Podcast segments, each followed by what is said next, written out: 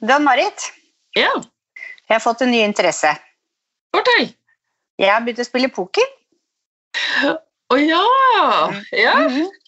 Så jeg spiller poker med Jeg tror gjennomsnittsalderen på sammen, til sammen er 80. Så jeg spiller, jeg spiller pokerlag med bestevennene til svigermoren min og samboeren min. Koselig. Ja, det er kjempekoselig. Vi spiller med kroner og femmer og tier, og, og de er altså så himla gode på å bløffe. Og jeg er jo ikke det. Altså, jeg jubler inni meg og smiler fra høyt til når jeg får gode kort. og så, og så syns det skikkelig når jeg får dårlig kort. Men det er bare så gøy og sosialt å finne på noe som jeg aldri interesserte meg for poker. Men nå har jeg fått helt dilla. så det er kjempegøy. Jeg gleder meg liksom skikkelig til hver gang de kommer på besøk. Spiser en middag sammen, og så drikker vi en kopp kaffe, og så spiller vi poker. da vinner du, da? Jeg vant første gangen. Jeg tror de bare lurte meg for å få meg liksom litt hooked på det. For nå taper jeg sånn jeg taper sånn 70-80 kroner hver gang. Men det er ikke noe mer enn det, og da spiller vi liksom Vi spiller i fire-fem timer. Å ja, såpass, ja. Ja, ja, ja. Det, det anbefales. ja. ja, poker er gøy. Poker er gøy. Ja.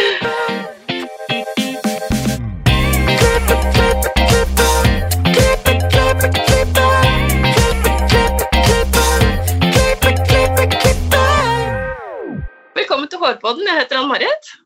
Jeg heter Renate. Ja, det var 17. mai i går. Hvordan Ja. har din 17. mai vært? vært? Jeg syns den var kjempebra. Vi pynta oss og spiste 17. mai-frokost, hadde gjester og middagsgjester, og, og så spilte jeg poker.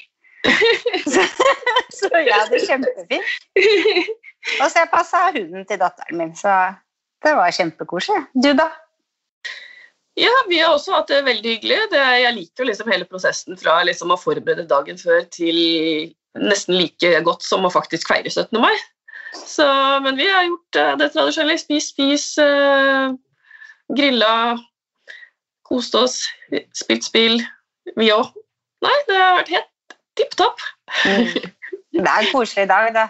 Ja, det er det. Ja, det er det. det. Men det er jo regna som har vært det store temaet. Men vi eh, setter oss under eh, parasollen, og vi er ute for det. Det, altså, det er ikke noe problem for oss som jobber i studio, for vi får jo gratis paraplyer. ja, sant. Og så er vi vannsette. Ja. Vi har med oss en gjest vi har Marit på Skype. Det har vi. Og dagens, jobbs, dag, dagens eh, gjest jobber til daglig på Hope i Oslo. Han er frilanser på fotoshoot. Han har flere ganger blitt nominert til Årets frisør. I dag holder han kurs i nettopp dette temaet, foto. I tillegg til det er han frisørcoach. Velkommen tilbake, Lars Eriksen Eitran. Hyggelig.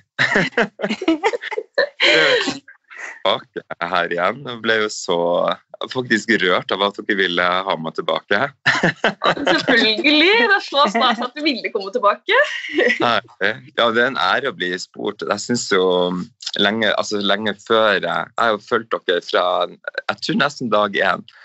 Eh, Så jeg syns det har vært så spennende, så også denne reisa på det så dere starta nå. Det å starte noe helt nytt, og så tørre å ha en visjon og, og gå for det. Jeg syns det har vært så utrolig spennende å høre.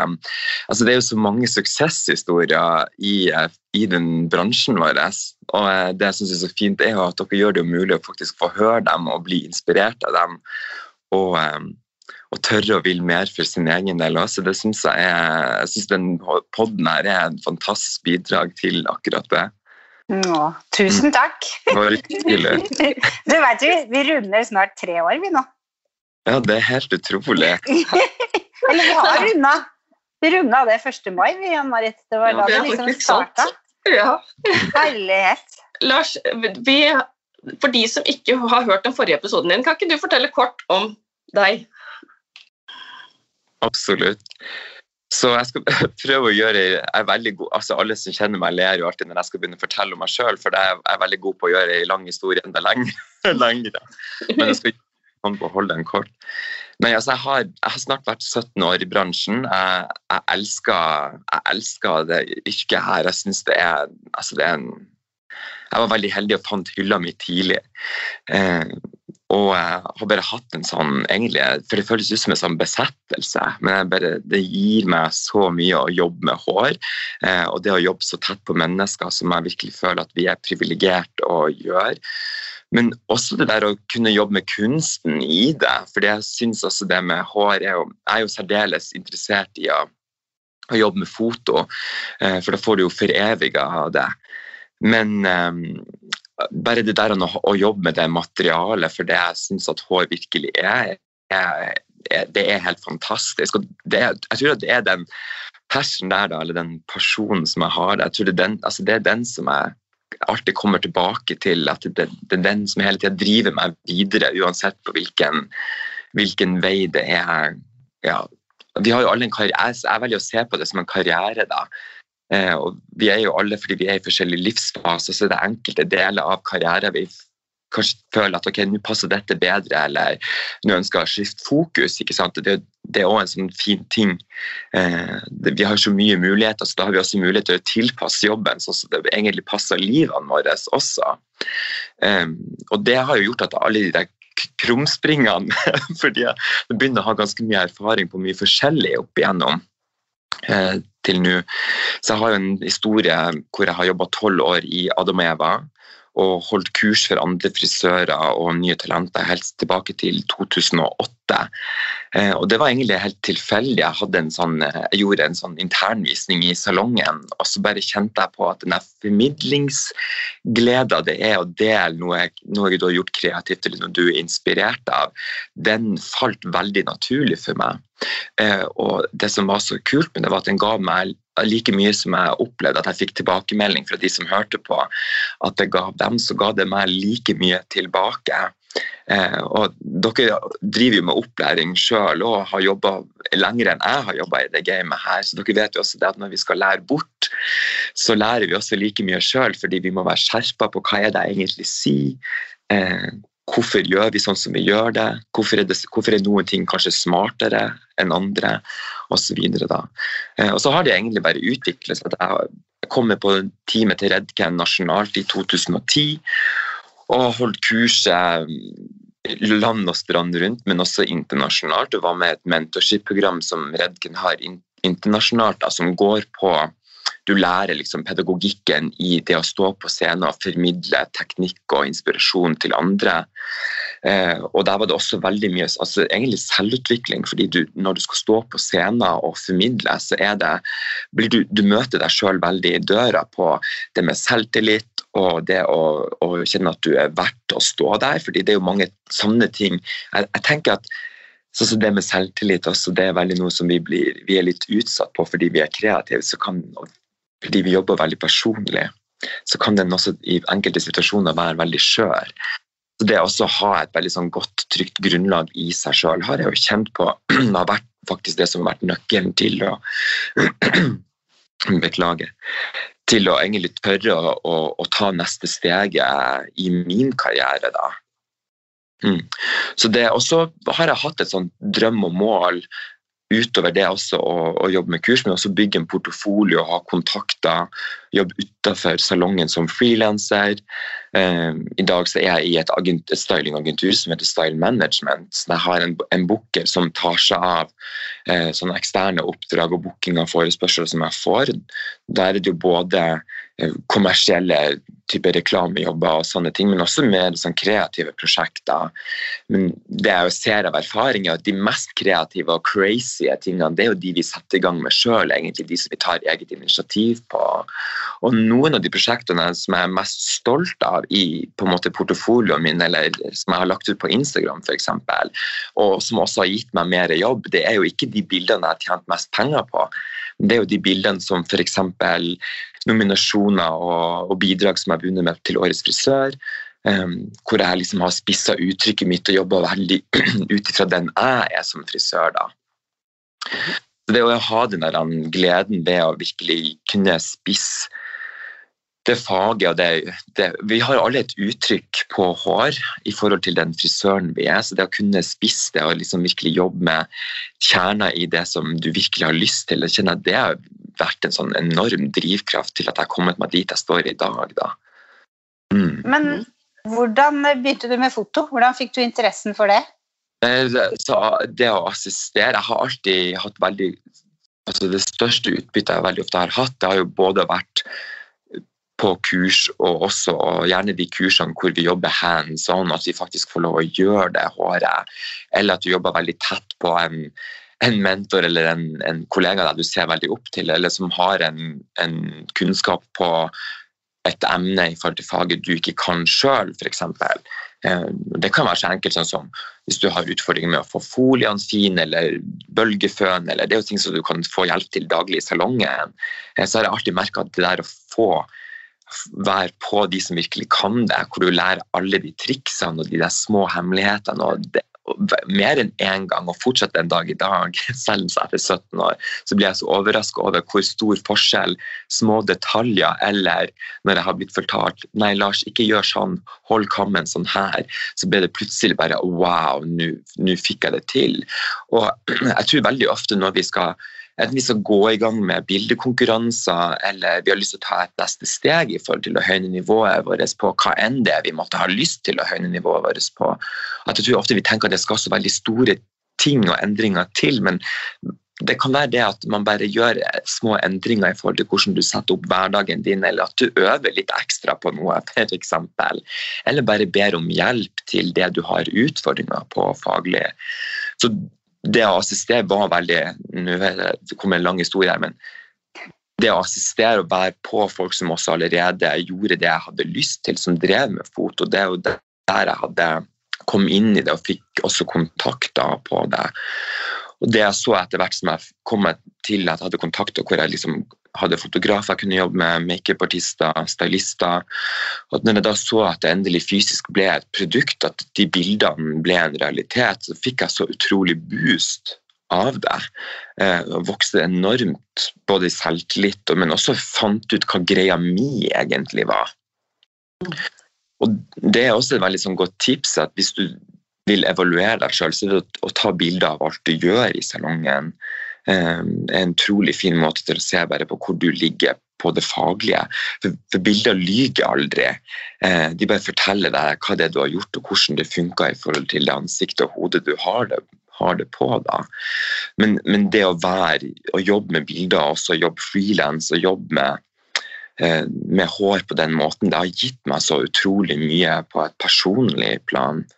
Eh, og også vært en nøkkel til alt jeg hadde videre til å på en måte bygge en portefolio til å få høyne nivået mitt, sånn at jeg kunne at jeg virkelig kunne gå inn i, i å gjøre f.eks. hår til, til bilder til årets frisør og, og spisse det uttrykket. Og det jeg husker sånn, Første gangen jeg landa første nominasjon, så var det bare det var en, det var en gevinst for meg. Fordi da tenkte jeg ok, da har jeg begynt å treffe nerve i noe unikt. ikke sant, også. Men også til å tørre å være så trygg i seg sjøl at, at man tør. For jo, jeg har jo hatt veldig mange kollegaer som jeg senest nå siste året også, som, jeg, som både har tatt kontakt med, som også har spurt hvordan, hvordan klarer du å gjøre det, hvordan tør du å gjøre det òg. Jeg har bl.a. en kollega som har hatt lyst til å gjøre, gjøre, sende inn bidrag til Årets frisør i jeg tror det er snart ti år. Og, og hver gang når det kommer til at klokka tikker og liksom deadline løper, så, så, så friker man litt ut, og så hopper man heller av i stedet for å faktisk bare gjøre det.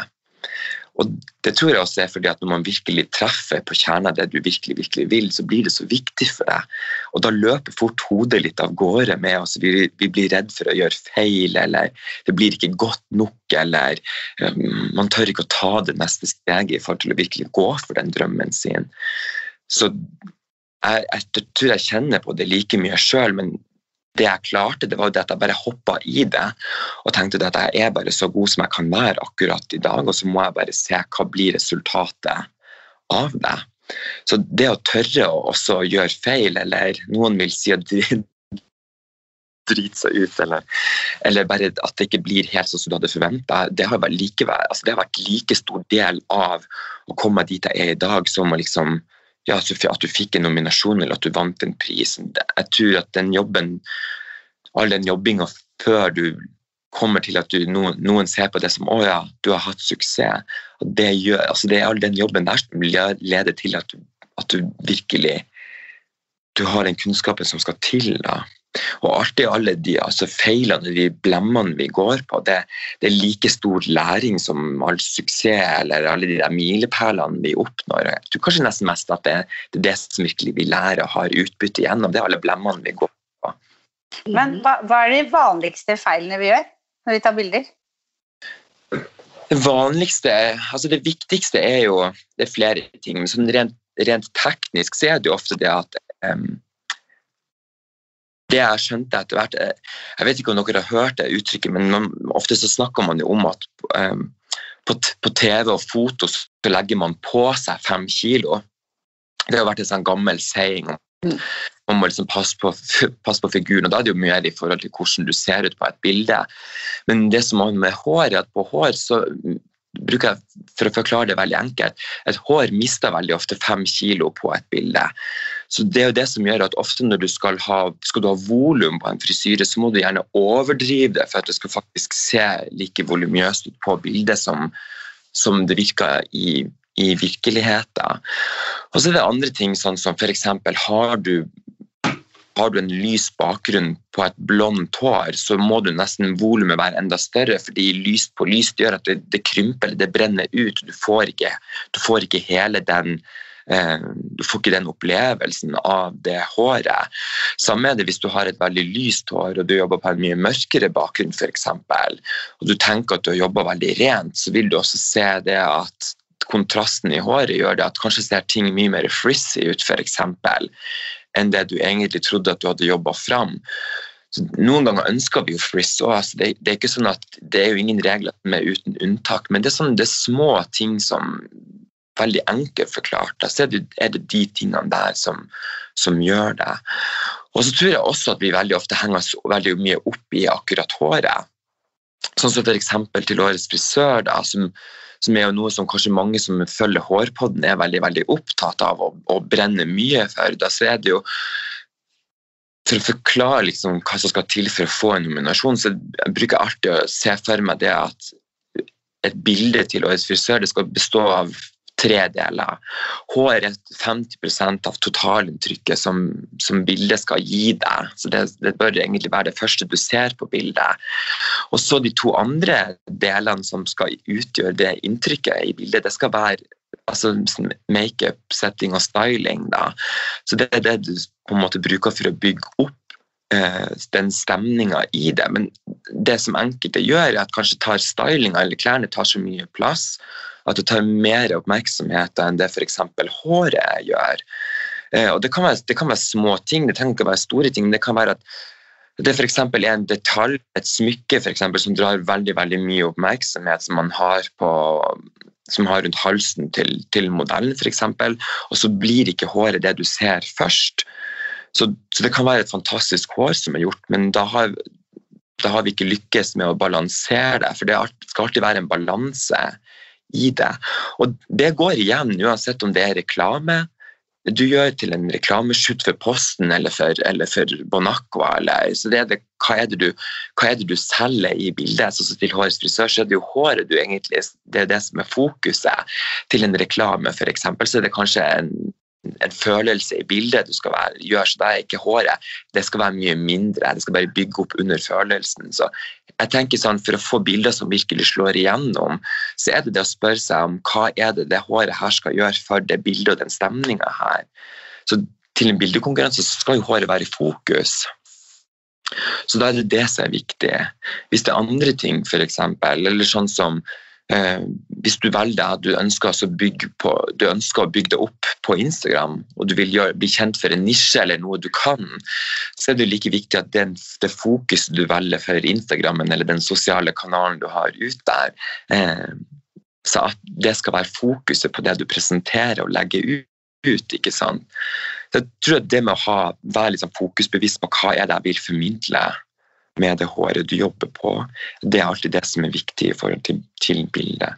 Og så er det jo også valg av modell i forhold til looken du har når det er årets frisør vi snakker om. Da passer den modellen med det du det uttrykket du ønsker å skape og, og formidle. Og så, så, veldig ofte når det kommer til fashion, så skal jo det er jo alltid en balanse der. Og det er veldig mange som ler av meg når jeg kommer med denne sammenligninga, men for å forklare hva en god balanse i et bilde er, så bruker jeg veldig ofte å sammenligne det med matlaging. Så et, et bra bilde det er noe som er balansert. Så f.eks. hvis du lager en rett, en middagsrett som er bare altfor salt, så blir det bare uspiselig til slutt. Men hvis du hadde lagt, lagt til litt sødme eller noe som også ga en litt annen tweak på det, så hadde det blitt mye mer interessant å spise det. Jeg tror Det er jo for derfor sånn som Snickers er så utrolig godt, fordi det er både søtt og salt. Og Sånn er det med bilder også. Så hvis du har et veldig cute hår på en modell, så bør modellen egentlig være mye mer fierce som type, eller ha en helt annen, kanskje en mye mer edge. Og det ser jeg også veldig ofte sånn som på en reklamejobb f.eks. så booker de kanskje en, en, en, kommersiell en veldig kommersiell modell. En, hvis det er jente, da, så er hun kanskje veldig sånn klassisk søt og pen. Og da, rett og slett, veldig enkelt forklart, så stygger vi jo til på håret. Jeg gjør noe som er mye mer rocka eller edgy. Eller, det er ikke like, det, ikke like, altså det skal jo være flott, men det, det har en helt annen vri enn at det er et pent hår, f.eks det er ikke pene krøller. Da går vi kanskje mye for, mer for en Kate Moss-feeling på det. Så, så, jeg bruker mat for å, gjøre, for å bare forstå hvordan skal jeg balansere ting, fordi det gir meg en sånn OK, hvor er vi på skalaen her? Den, den, til du som hører på, til, til dere to, Renate og Marit, vi har alle forskjellige måter å forstå på. Så jeg bare knakk en kode på hvordan, jeg, hvordan kan jeg liksom hvor kan jeg føle det håret her i den settinga? Og hva er fokuset? Hva er det du ønsker å formidle med de bildene du ønsker å, å, å, å lage eller produsere? Hva, hva, skal det være til, da? Mm. Visste du at vi har fem smaker når det gjelder mat? Ja, jeg, vet du, mm. det er utrolig interessant at du nevner det. For det var en, jeg hørte på en annen podkast her i forrige uke som snakka om det. Hva det, det er søtt, salt, syrlig og så er det det som Umami. Ja, det ja. er det. Salt, syrlig, umami. Det var fire. Fins det ja. bitter, ja. Bitter, bitter er det. Men umami er den femte, den som er litt sånn midt imellom. Mm. Ja. Umami, var det du sa? Ja. Det er ikke det er, Nei, det er sånn smak som det er på sjampinjong, f.eks. Som egentlig ikke er så mye smak på. Litt sånn Ja. Ikke sant. Ha! Jeg har aldri hørt om. ja. Jeg syns det kommer veldig mange nyttige tips her. Du nevnte så vidt litt om Instagram. Og så kan man komme til å tenke på, for at Du skal vise fokus i det oppsett eller bajalasje eller noe sånt. Syns du da at man burde ha en rein hårkonto? Eller syns du man skal liksom mikse familie og litt hverdagen din? Hva mener du om det? I forhold til Instagram, hvis vi snakker om Instagram mm. Mm -mm. Altså, i, når det gjelder salg og markedsføring, så er det jo Det er alltid personligheter som selger, selger best. Og så skal jeg bare ta et lite sånn steg tilbake for å forklare det, så ikke det høres veldig kynisk ut. men når, all, det er jo en salgspsykologi i alt, ikke sant. Og, sånn som, og det foregår hver dag bak stolen hos oss. Så salg er jo alltid noe, noe, når du tilbyr noen hjelp med en utfordring du har. Det er egentlig salg veldig forenkla og, og, og ja, forklart. da. Så de vi kjøper tjenester av, eller det, altså når vi har de gjestene i stolen, så kommer de til oss fordi at de stoler på oss. De liker oss, og de liker de verdiene vi står for. Så når det gjelder Instagram, og i forhold til, Det er jo også et salg om du legger ut Hvis håret er det du har fokus på, og du ønsker å bruke Instagram-kontoen din til å tiltrekke deg mer gjester og oppdrag, f.eks. frilans, som du ønsker, så er det jo å bygge en konto som både byr på det profesjonelle du faktisk tilbyr, hva du bringer til bordet av kreativitet og, og, i forhold til uttrykk på hår. Og så er det samtidig å gi de som følger deg såpass mye av deg personlig at de både liker deg og stoler på deg.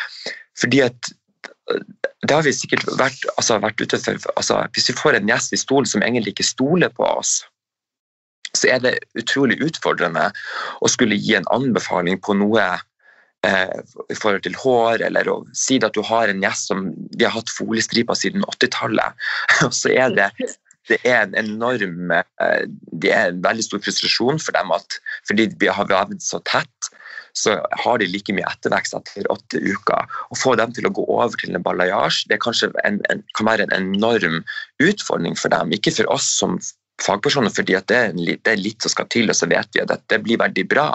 Men vi har erfaringer på at dette funker veldig bra, og du kan være like vakker eller flott eller føler like bra på håret som om du hadde hatt de foliestripene. Men hvis, de, hvis den gjesten eller kunden da ikke stoler på den frisøren som prøver å, å, å selge inn en annen måte å ha en blond farge på, så er det veldig utfordrende å få dem med på det. Men de gjestene og kundene av oss som virkelig stoler på oss, det er de som alltid sier ja, ja men jeg, vi gjør det du sier i dag, Renate, eller ja, men vi gjør det du foreslår, Ann-Marit. Sånn, så det er det du også ønsker å bygge opp med kontoen din, hvis du er der at du, at du ønsker å bruke den til det. Og jeg, jeg med hånda på hjertet anbefaler å bruke sosiale medier, fordi du får så mye gratis eh, gjennom den. Det er et unikt talerør ut for å markedsføre den sjøl på. Så, så, det som er viktig med, med sosiale medier, det, og dette gjelder, dette gjelder, uansett hvilken plattform du er på, om det er på TikTok eller om du er på, om du bruker Facebook eller andre kanaler, så er det like mye det der å bygge den der like stole på kjennerfaktoren, sånn at de, at de, faktisk kommer til deg. Mm. Mm. Men nå er det jo veldig fokus på Instagram. det er liksom Alle har en Instagram nå. Er det noen andre plattformer du syns vi frisører burde bruke? Altså det jeg ser, Min erfaring er altså så TikTok det driver og tar veldig av nå blant de, den yngre garde. Eh, Tenk at jeg sier det! Jeg ler sånn, for jeg følte meg så voksen under jeg sa det. Eh, TikTok tar jo veldig av. TikTok har jo en sånn, Det er jo utrolig festlig, og det er mye inspirasjon der, og det er veldig mye videoer på fag så er fortsatt Instagram veldig veldig stort. og Det jeg ser særlig business, der er Facebook fortsatt den, den største. Eh, jeg tror det er veldig mange som går i, i den faresona at vi tenker at ja, Facebook det er litt sånn det var litt i går, liksom, men Facebook er, er, veldig stort. og Jeg ser jo særlig for til frisørbransjen også er Facebook nesten størst. Instagram er mye mer sånn på der vi henter inspirasjon, men, men sånn som jeg ser sånn som veldig, Det er jo bare å se sånn som Dere har jo hatt henne um, jeg glemmer navnet på Monica, er det ikke det? hun som har kun for frisører i Norge. Ja. Den, kanalen og hvor kraftfull den virkelig er. Så, så, så når det gjelder business og, og, og butikk og salong og bransje, så er det veldig mange som er er på Facebook, og, og på inspirasjon så er veldig, er veldig mange på Instagram.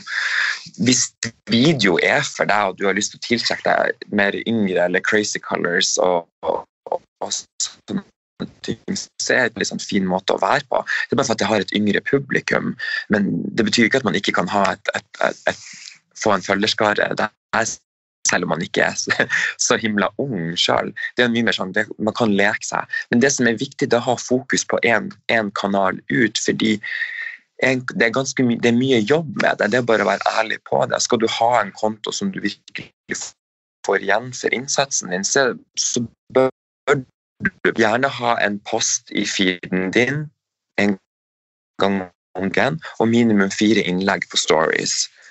Det, sånn, det, det, bør du ha. Det går jo også på algoritmen som er der. Det samme gjelder Facebook òg, at du bør legge ut jevnt og trutt der. Men Facebook har en algoritme som er mye mer takknemlig. Instagram de har skrudd algoritmen sin veldig til. Det jeg vet av mine kanaler som, som kjenner liksom inside. Så, og det betyr det at sånn som før, når man fikk veldig mye reach. Du la ut en post, så var det veldig mange av følgerne dine som fikk det opp i nyhetsfeeden sin. Mens nå har Instagram skrudd ned algoritmen, så det skal mye mer eh, til for at du når ut til like mange som du gjorde før. da. Mm. Så Derfor er det viktig når du velger deg en kanal, så velg deg en først og fremst som du har hovedfokus på. Og så kan du alltids avansere videre ut ifra det. Mm. Men hvorfor velger Instagram det, egentlig? Det er jo det går jo på at eh, sant, de har jo There's no such thing as a free lunch. ikke sant? Så det Instagram gjør nå når de har blitt så store jeg, jeg, tror, Jeg tror faktisk at det, er, det var nylige tall som ble offentliggjort. Jeg tror det er én milliard brukere på Instagram, og det er nesten en sjettedel av hele denne klodens befolkning. Det er enormt mange. Det er, det, er, et enormt marked. Og det Instagram har gjort, sånn som når de har skrudd algoritmen sin til, det er jo for at de ønsker å drive folk til å heller investere i annonser, for å tjene penger på det. ikke sant? Og, mm -hmm. og, og eh, vi er jo alle avhengig av å tjene til, til, til mat på bordet og tak over hodet. Så, så, veldig enkelt forklart så er det det Instagram egentlig gjør. Det er derfor de skrur, skrur den til. Men så finnes det små triks i boka eh, som man kan gjøre. Sånn som de av oss som har jobba lenge med Instagram vet. Sånn som f.eks. at hvis du gjør reels, så får den mye mer reach. Og det ser, det ser man ofte på, eh, på, på reachen, hvor mange views du har. Så gjør du mer reels i feeden din i uka, så vil du nå ut til langt flere. Mm. mm. Sånne ting. Så når, men når du kombinerer alle disse, hvis du får til fire poster på stories hver dag, eh, og du gjør reels jevnlig, og du har en post i feeden din, så får du mye større reach på Instagrammen din. Mm. Eh, vi har noen faste spørsmål til deg. Har du noen tips til frisører som vil opp og frem? Ja, altså nu, dette skal jeg prøve å si det her uten å, å um, høres blærete ut, men det er jo jo, jeg har akkurat lansert et uh, utviklingsprogram for frisører som heter Din hårete karriere. Og det vil jeg faktisk veldig sterkt anbefale. Det er, jeg har jo Både langt tilbake i karrieren så har jeg jo um, jobba mye med kursing. Og jeg tror Første gangen jeg fikk forespørsel fra, både fra flere eiere og daglig ledere i salonger, det var første gangen i 2013. og Det var det at det er veldig fantastisk å lære nye teknikker og inspirasjon, men det veldig mange savna seg, det var å ha oppfølging over tid. Og jeg har latt det der ligge i skuffa egentlig lenge, i lang lang tid. Og så har jeg hatt ei venninne av meg som har pusha meg veldig hele 2018 og 2019 på Lars, når skal du gå online? I hennes bransje det er online-kurs mye mer vanlig enn det, enn det, har vært før korona i, i, i frisørbransjen. Da. Og så var jeg litt sånn Ja, jeg vet ikke helt. Jeg skjøv det veldig foran meg. Um, og så kom nedstengninga i fjor, da tenkte jeg, da fikk jeg den tida til å tenke meg om. Og så tenkte jeg vet du hva, nå har jeg faktisk tid til det, eh, så da skal jeg også gjøre det. Så det jeg gjorde var at jeg satte sammen et utviklingsprogram som tar utgangspunkt i, i frisøren og den unike situasjonen den personen står i. Så her, her kommer tipsene samtidig som jeg, som jeg presenterer min egen, min, min, mitt eget kurs. Da, egentlig. Så Det som er viktig der, det er jo å stille seg selv spørsmål på hva du vil. ikke sant? Det er jo noe vi tar, tar de som er med på din karriere også igjennom. Det å tørre å stille seg selv de spørsmålene på hva er det du faktisk drømmer om. Og noe av det Jeg lærte, sånn som jeg har en veldig stor mentor som heter Laurie Sable. og hun, For de av dere som hører på, som er kjent med Redken og bruker Redken mye, så vet dere helt sikkert hvem Laurie Sable er. Men hun er veldig opptatt av å, å, å, å veilede unge talenter og de som virkelig vil noe. Hun gjorde meg veldig klar over at du må stille deg selv de spørsmålene på hvor vil du i framtida, Lars, med hva du vil. Og Det var jo en utfordring jeg hadde i starten av min karriere, at jeg gjorde så veldig mye forskjellig. Jeg spredde fokuset mitt så enormt. ikke sant? Så Det jeg skjønte når Laura stilte meg de rette spørsmålene, det var det at ok, hva er det jeg virkelig vil? Så første tipset er du må stille deg selv spørsmål på hva er det du virkelig vil. Og så må du fokusere på akkurat det. Jeg tror det er veldig mange som kjenner seg igjen i, og jeg er den første som skal innrømme at jeg ville alt. Så jeg gjorde litt her og litt der. og Jeg var all over the place. ikke sant? Og det gjorde det at de sju første årene av min karriere da jeg har, jeg har veldig mye erfaring, men jeg kom, jeg kom jo egentlig ingen vei videre. Altså jeg, hadde, jeg, hadde, begynt å holde kurs, og jeg hadde, bygd, hadde gjester i salongen, jeg hadde tatt svennebrevet, og jeg hadde begynt å jobbe frilans. Jeg, eh, jeg var med på teamet til Redken, men jeg hadde liksom egentlig jeg, gjorde, jeg var all over the place. Og, og jeg husker jeg til og med søkte på skolen til Adam og Eva, hadde lyst til å være lærer. jeg holdt på 24-7. Jeg holdt på, det skal bare være ærlig på, jeg, gikk, jeg holdt på å gå på et skikkelig smell. Jeg hadde to seriøse blackouts hvor jeg hadde det ble bare svart. Jeg hadde to eh, runder med 20 minutter hvor jeg, jeg så ingenting. Jeg svimte ikke av, jeg var bare synet skrudde seg av. Og så jeg, Det gikk bra, det har gått fint. Jeg har ikke verken hjernesvulst eller noen ting, men det legen min fortalte meg, det er at du bare er veldig overarbeida, og det, det kan faktisk skje. Så jeg skjønte det at ok, jeg må faktisk ta seriøse grep i, i meg sjøl og sånn som jeg holder på, fordi at dette er ikke sunt for meg.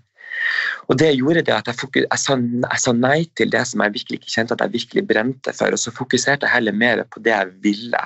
Og det var jo egentlig For meg, var, for meg så var det å spisse meg mye mer inn på uh, det kreative i hår. Sånn som jeg hadde lyst til å bare fokusere på klippfarge og styling. Uh, jeg hadde sånn, masse sånne tilbud om jeg ville begynne med ørepiercing og hair, extensions og, og jeg, snak, jeg, mener ikke å snakke ned om det, det var, bare, det var ikke det jeg, jeg brant for. Så fra 2012, for det var, da, det var da de tingene her gikk inn i meg, eller da, da jeg ble mye mer målbevisst på det, da fikk jeg virkelig fart på karrieren min. Og da var det det å begynne å jobbe seg opp en portefolio som, som hadde lyst til. Hadde lyst til å jobbe med mer kunsten i det. Så du må tørre å stille deg sjøl det spørsmålet på hva er det du virkelig vil. Og du kan virkelig det jeg vet at veldig mange, Når jeg begynner å snakke om disse tingene, her, så er det også enkelte som kanskje har litt sår selvtillit på at de vil bare være i salong. og i og med at Jeg snakker så veldig mye om alle mulighetene der ute, så er det bare viktig å få sagt her at du kan gjøre en fantastisk karriere i salong. Og hvis du brenner for salongen, så kan du virkelig satse i salongen. Det er jo, um, jeg har, jeg har coacha frisører opp igjennom som har veldig mye å gjøre de har veldig fulle lister, men de har, kanskje en, de har kanskje feil type gjester i forhold til hva de virkelig ønsker å fokusere på. Eksempel.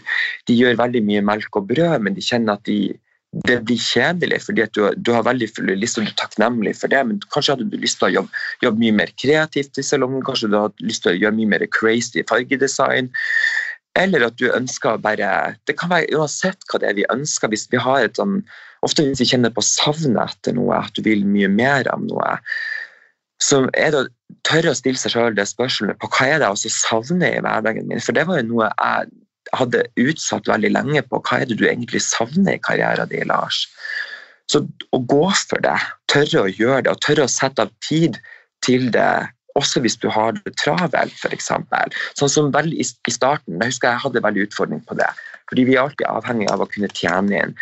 Så I starten når jeg lærte mye mer avanserte fargedesignteknikker, så måtte jeg sette av mye mer tid til det i salongen. Og Da kjente jeg veldig på med en gang. Da stryker jeg jo av mye mer av dagen min. Men det her er det som er så viktig poeng å få frem akkurat med det her, at når du setter av litt mer tid til enten en teknikk eller noe du er ny på, så er det også en investering i din egen framtid. Fordi når du har gjort den tingen mange nok ganger, så vil du bli mye mer effektiv på det. Og så får du kanskje helt andre resultater i salongen som du kanskje ikke hadde hatt før. fordi at du alltid, Hvis du alltid går i det tidsstresset, så safer vi veldig ofte. ikke sant? Vi er veldig redd for at en farge skal gå skeis eller ikke bli helt sånn som vi tenkte det.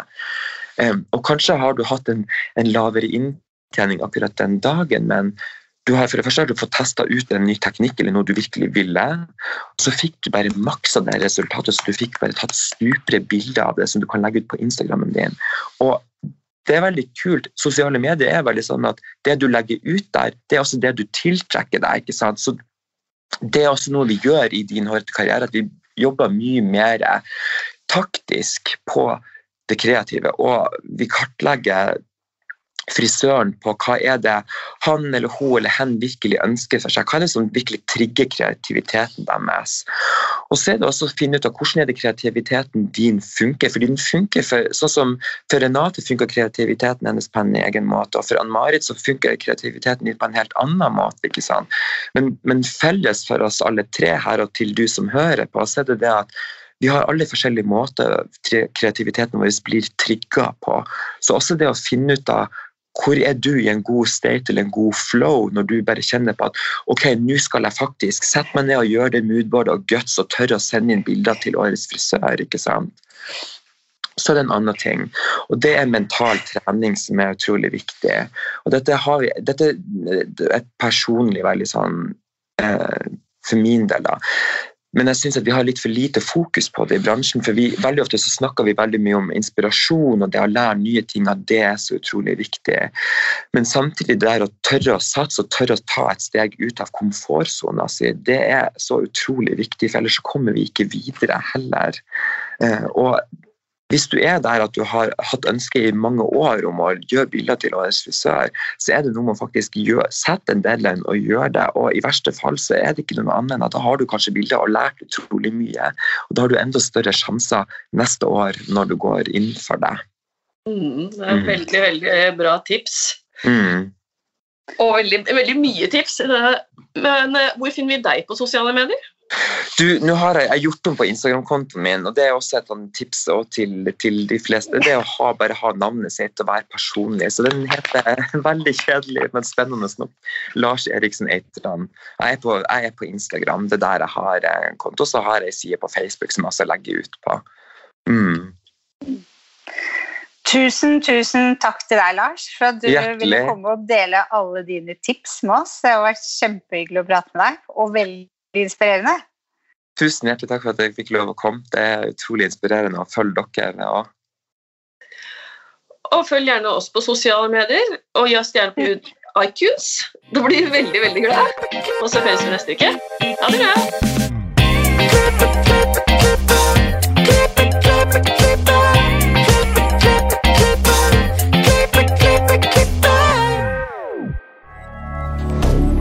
Moderne media. Har du et enkeltpersonforetak eller en liten bedrift? Da er du sikkert lei av å høre meg snakke om hvor enkelt det er med kvitteringer og bilag i fiken, så vi eh, gir oss her, vi. Fordi vi liker enkelt. Fiken superenkelt regnskap.